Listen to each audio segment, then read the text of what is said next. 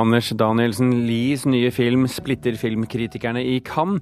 De blir frustrert når de ser for kompliserte filmer, mener Lie.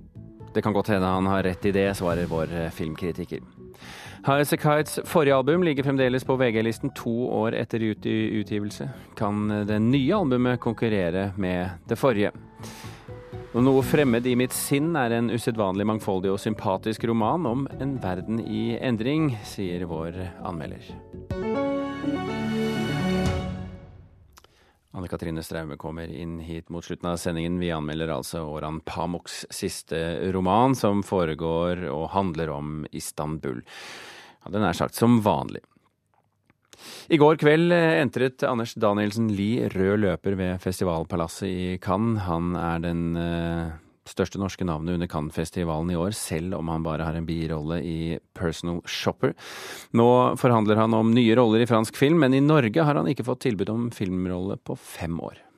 I think his eye. He's very emotional for his eyes. He's kind of beautiful too, handsome. So that's a plus.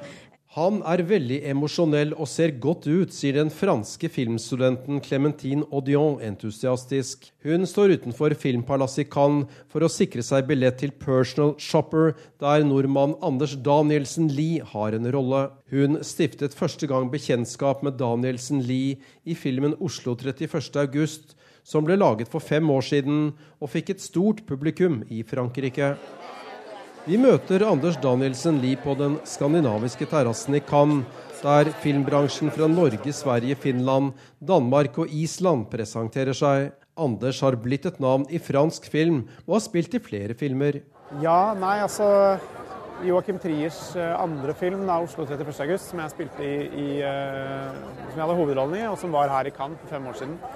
Den uh, filmen slo veldig an i Frankrike. Og etter, etter, det så begynte jeg å få tilbud fra franske regissører. Så, um, så det, er, det, er, det som er forklaringen. Uh, jeg har noen prosjekter uh, i utvikling her i Frankrike som jeg skal prøve å jobbe litt med når jeg først er her. Kan du si noe? jeg tror kanskje ikke jeg kan si så mye om det på dette tidspunktet, men det er, det er spennende ting. Så jeg håper det blir litt mer. Filmer? Ja. Men i Norge er det ikke blitt mange filmtilbudene på Anders Danielsen Lie etter Oslo 31.8. Nei, jeg har, jeg har, ikke Jeg har gjort et par TV-serier da, i Norge nå, nå, helt nylig. Men jeg har vel ikke spilt i en spillefilm siden Oslo 31.8, nei. Er det rart? Nei, rart. Jeg vet ikke. Etter at jeg var eh, her i Cannes, så dro jeg rett i turnus som lege. Så var jeg ikke på markedet i, i halvannet år. og Uh, jeg, jeg, skulle gjerne spilt i en norsk film, jeg. Men uh, det har ikke blitt sånn, av en eller annen grunn. Så. Ingen norske filmer på programmet i Cannes. Og det er vel ikke bra nok, internasjonalt ansvarlig i Norsk Filminstitutt, Stine Oppegård. Det kan vi absolutt innrømme, ja. Men vi kan jo glede oss med våre nordiske kollegaer som da holder eh, de nordiske flaggene høyt. Eh, og vi har allikevel veldig godt besøk på standen vår. For eh, om vi ikke har film her i Cannes, da er jo det en ekstra bonus. Men vi har nå møter med festivaler som skal lukke programmet sitt om noen få uker, og helt frem til festivaler som Göteborg, Sundance, Rotterdam, Berlin, som er i 2017. See this? Actually, Kristen Stewart, amerikansk storstjerne kjent fra Twilight-filmene, har den bærende rollen i Personal Shopper, som hadde premiere i Cannes i går kveld. En film som har fått blandet mottakelse blant anmelderne. Ja, faktisk var det buing etter pressevisningen. Anders Danielsen Lie kan leve med det. Ja, skal aldri si aldri. Altså er, hvis du ser på Cannes historie, så er det mange store filmer som har blitt buet til uh, i, ved denne festivalen. Filmen er, uh, er litt, er litt, komplisert, og det kan godt hende at anmelderne her ikke helt uh, vet med en gang hvordan de skal forholde seg til den, og da kan de bli litt frustrerte. Det er sånn, Særlig i hovedkonkurransen så er det sånn at, at man kappes litt om å mene sterke ting om uh, filmene i, i programmet. Ja, Det sa Anders Danielsen Lie til vår reporter Tore Tollersrud. Vi snakket med NRKs filmkritiker Birger Vestmo for en times tid siden, før han spurtet til kinosalen. Og han innrømmer han at han er blant de filmkritikerne som blir frustrert av for kompliserte filmer. Det hender av og til at jeg blir litt frustrert, og det kan nok tenkes at en slik følelse snek seg inn da jeg så Personal Shopper på mandag. Jeg syns den forsøker å være flere ting på en gang. Både en spøkelseshistorie, et drama om søk etter egen identitet, et mordmysterium og en film om bearbeiding av sorg. Men for meg er det litt vanskelig å forstå hva regissør Olivier Assayas vil med det her, og hva intensjonen var. Så kanskje trenger filmen en andre gangs påsyn for å virkelig sette seg. Men jeg merker jo at også flere andre kritikere er litt forvirrede. Eh, det er mm, en dissens om eh, hva slags film dette egentlig har blitt. Time Out kaller den forheksende og ukonvensjonell. Hollywood Reporter sier et underernært mysterium. Variety kaller det her oppstykka, men aldri kjedelig. Mens The Guardian melder at eh, Personal Shopper er ukategoriserbar, men udiskutabelt skremmende. Mm. Hvilke eh, reaksjoner har kommet i Cannes eh, på denne filmen? Altså, vi, vi hørte bl.a. Eh, tidligere om buing i salen. Hvor vanlig er det? Ja, det pleier å være en tradisjon i Cannes at det bues når en film eh, har eh, kjeda eller forvirra sitt publikum, og det skjedde altså nå etter pressevisninga på mandag. Men det var første gang under denne festivalen at eh, dette skjedde. Cannes-publikummet er berykta for å gi klart uttrykk for hva de mener, ganske umiddelbart. Og hittil i festivalen så har det vært fra høflig applaus og oppover. Så da Personal Shopper var over, så var det kanskje en felles følelse at eh, nå var det på tide å si fra at vi også er kritiske iblant. Eh, hvis vi går til de filmene som har fått skryt, eh, hvilke filmer snakker vi om, og hvilke forventninger kan vi ha? Det er to filmer som peker seg spesielt ut her. Den tyske filmen 'Tony Erdmann' av regissør Maren Ade, som vakt vill jubel og applaus både under og etter pressevisninga her i Cannes. Det handler om en far som forsøker å gjenopprette kontakten med sin datter som sitt morsomme alter ego Tony Erdmann. En varm, morsom og litt eh, sørgmodig film. Og så har vi 'Loving' av regissør Jeff Nichols, kjent for 'Mud'. En ny film i toppklasse som handler om en hvit mann og ei farget kvinne som på slutten av 1950-tallet får problemer med politiet i Virginia etter at de har gifta seg i en eh, annen stat. Det er et eh, nydelig, finstemt eh, drama med sterkt skuespill og solid tidskoloritt. Og på pressekonferansen her i Cannes mente flere journalister at regissør Jeff Nichols måtte bare begynne å skrive Oscar-talen sin. Det er de to store, etter min mening, men også Andrea Arnold har laga den gode road-movien American Honey. Chan, Puk, uh, Chan Wook Park har imponert med den stiliserte og sensuelle thrilleren The Handmaiden, mens Ken Loach har levert sterk sosialrealisme med I, Daniel Blake. Hva er det, eller nærere sagt, hvilke filmer er det da som har eh, skuffet i Cannes i år? Det er nok eh, dessverre slik at vi igjen må eh, snakke litt om Olivier Assayas sin film 'Personal Shopper', etter hans forrige film 'Sils Maria', som også hadde Kirsten Stewart i en av rollene. Så den ble jo så godt mottatt at dette var en eh, nedtur for mange.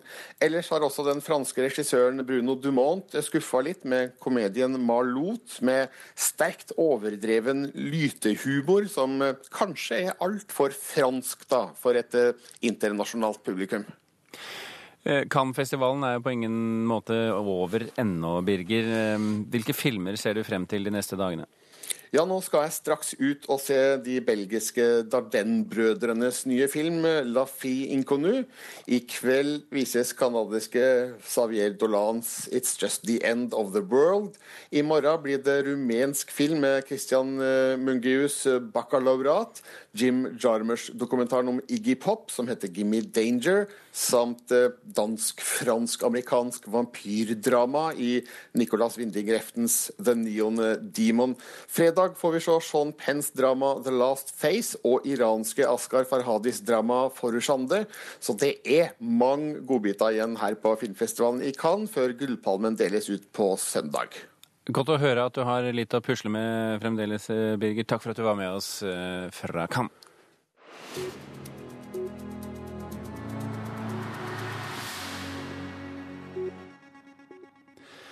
Det nærmer seg byggestart for Vega scene i Oslo. Vega scene er en alternativ kulturscene med flere kinoer og teater eh, rett ved Akerselva.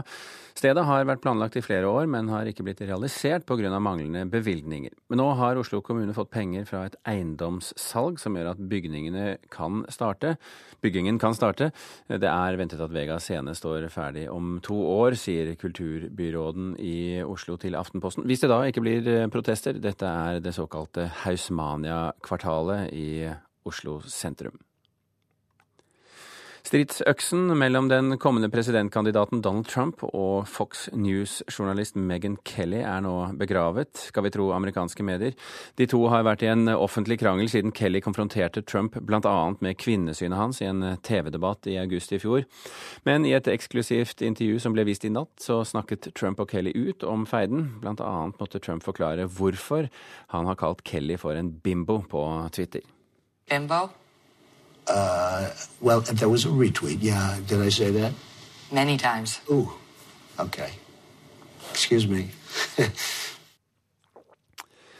Mens vi har vært opptatt med å feire 17. mai her hjemme, så har Kulturtankens inntil nylig kjent som Rikskonsertene sitt online-spill Lyderia vunnet pris i New York. Det er snakk om prisen for beste nettspill under den 20. utgaven av The Webby Awards, også omtalt som internettets Oscar. I spillet Lydera så skal man bl.a. utforske ulike musikksjangre, komponere egen musikk og remikse andres, og i tillegg til å beherske sang og dans, så må man eh, da altså kunne komponere det hele, mens artister som Samsaya, Ravi og Don Martin fungerer som eh, mentor. Blant eh, andre som vant priser for nettprosjektene sine i natt, så var det størrelse som Kanye West og hans kone Kim Kardashian West og folkene bak TV-hiten Making a Murderer.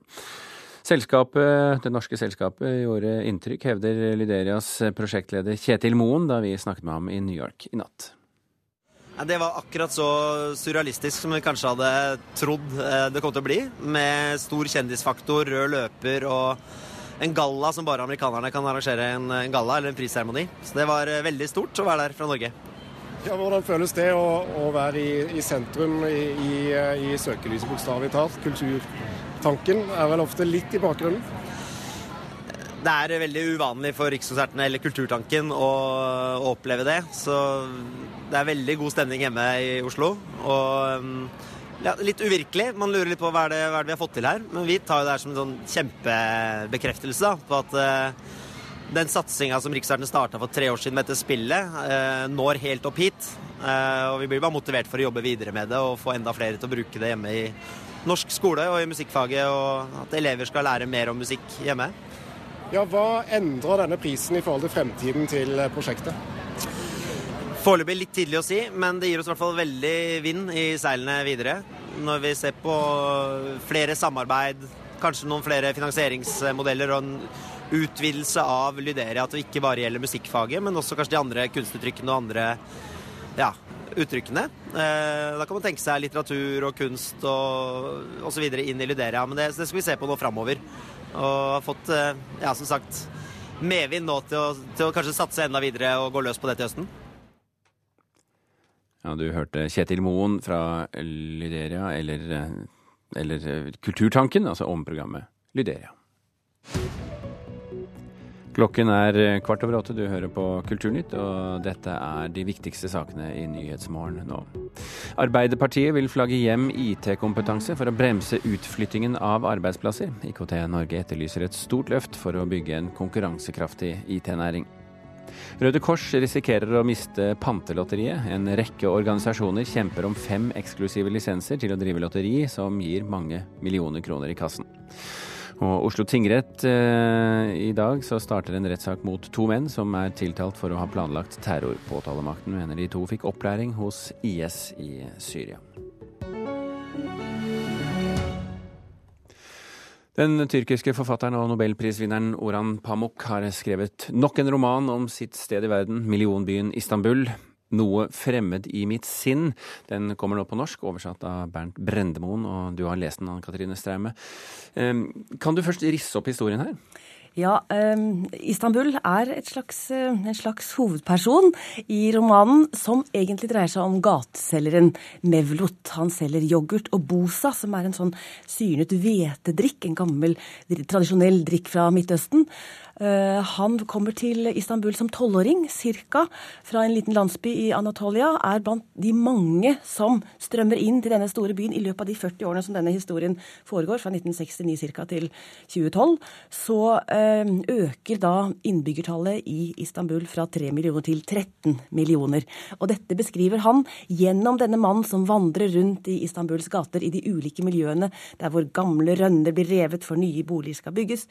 Eh, så det blir et bilde av denne byen, alle disse møtene, og samtidig så er det en kjærlighetshistorie. For han er ikke alene etter hvert, denne unge mannen som først jobber sammen med sin far, som også er gateselger, men som senere da får kvinnen i sitt liv.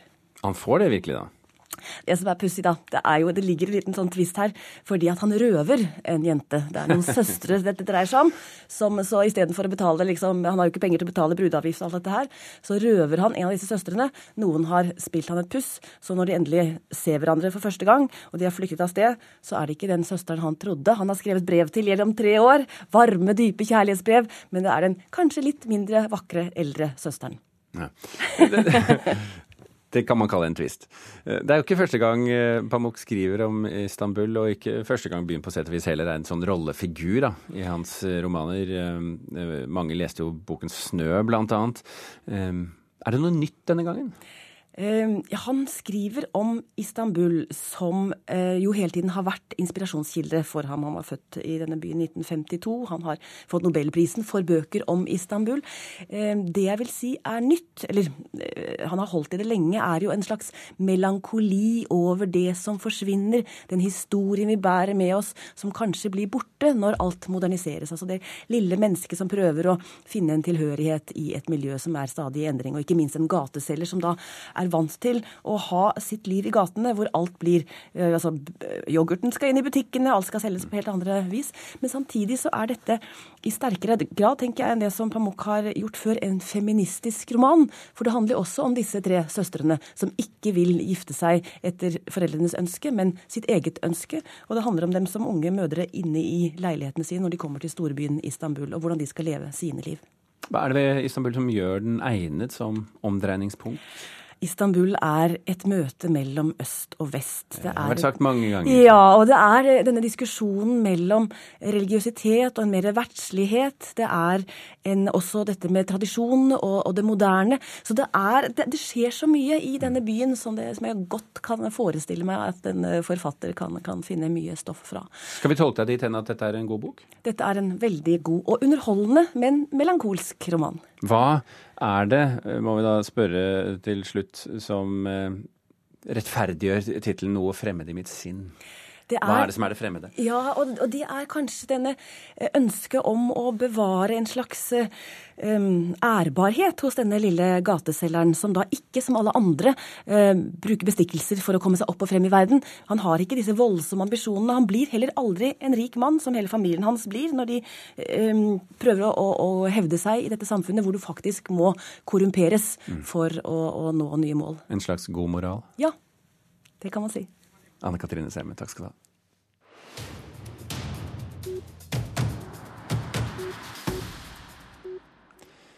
Poporkesteret High As A Kite sitt forrige album ligger fortsatt på VG-listen, der den har ligget i til sammen 110 uker.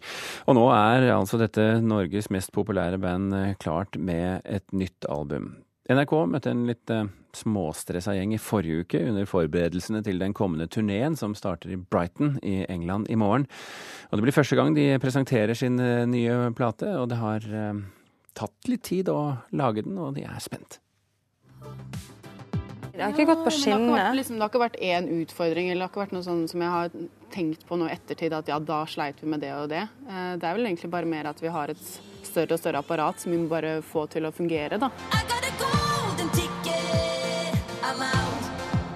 Hayas og Kite har mye å leve opp til.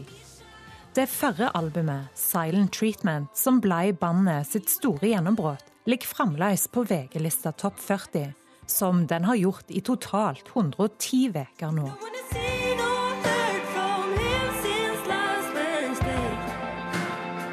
Men innspillinga av det seneste albumet, Camp Echo, var ikke fullt så utfordrende som sist, er vokalist Ingrid Helene Håvik og keyboardist Marte Ebberson enige om.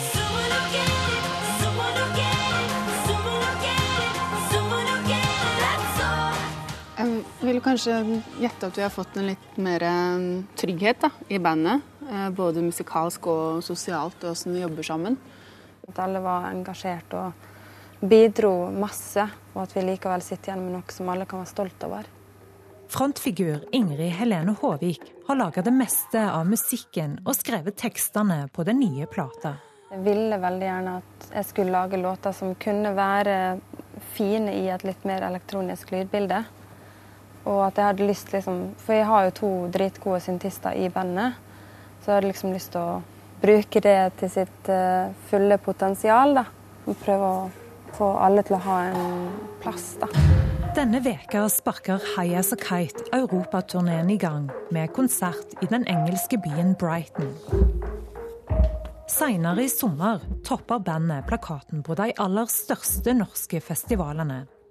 Nå som de skal ut og presentere sin nye plate, er bandet ekstra spent under de siste førebuingene. Det blir jo uvant å, å Det blir bare uvant å spille de nye låtene, rett og slett. Og få det inn under huden. Det gamle albumet fikk jo veldig inn under huden å spille de låtene i to år. Mm. Eh, så nå må vi liksom begynne litt på nytt, nytt igjen, egentlig. Ja. Så det er den største utfordringen, syns jeg. Da. Er dere i rute, føler dere? Ja, jeg håper det. Ja, vi er det. Herregud, vi er det, ikke sant? Ja, vi er det.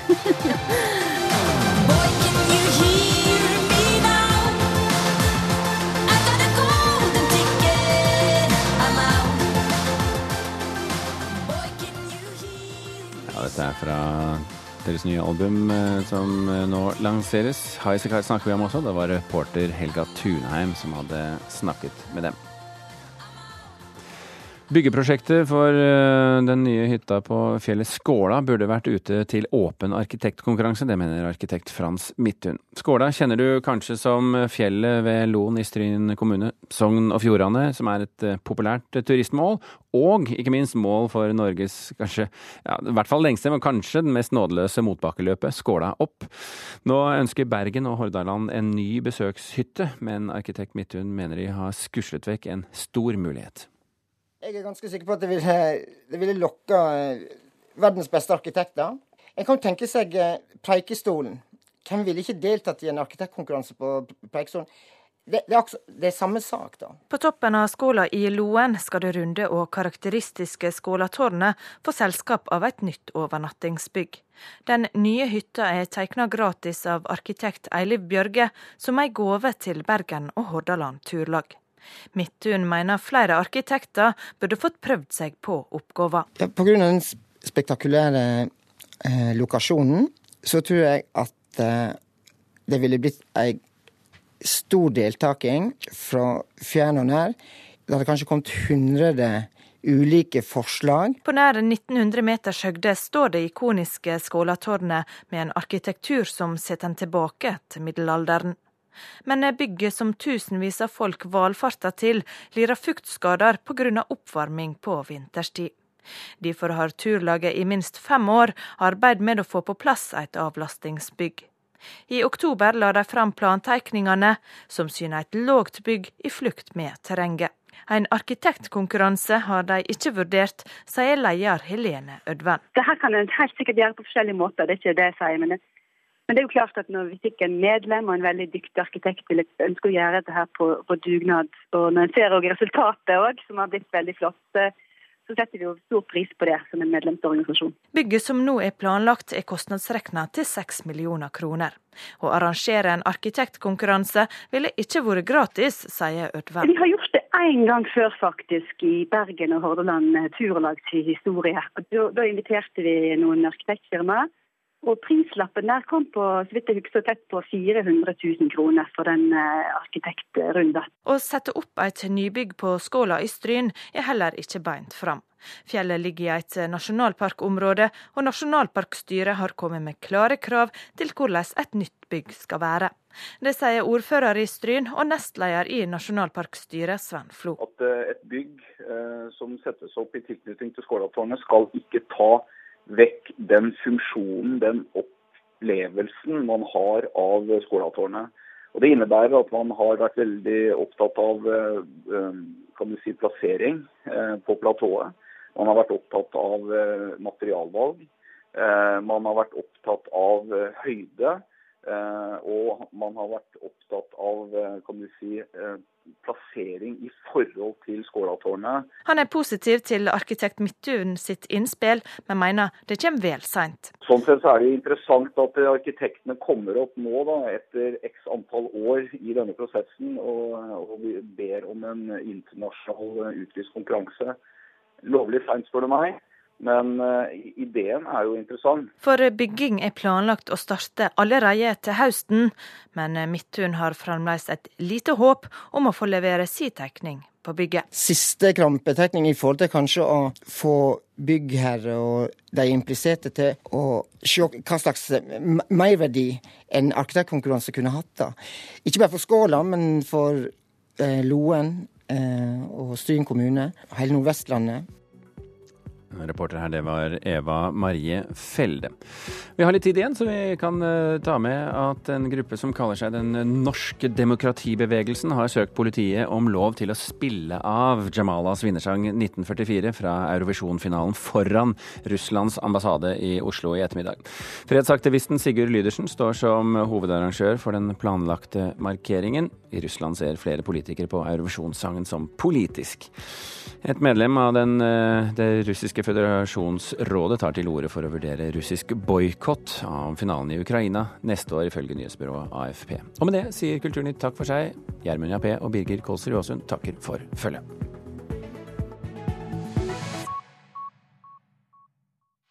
Hør flere podkaster på nrk.no podkast.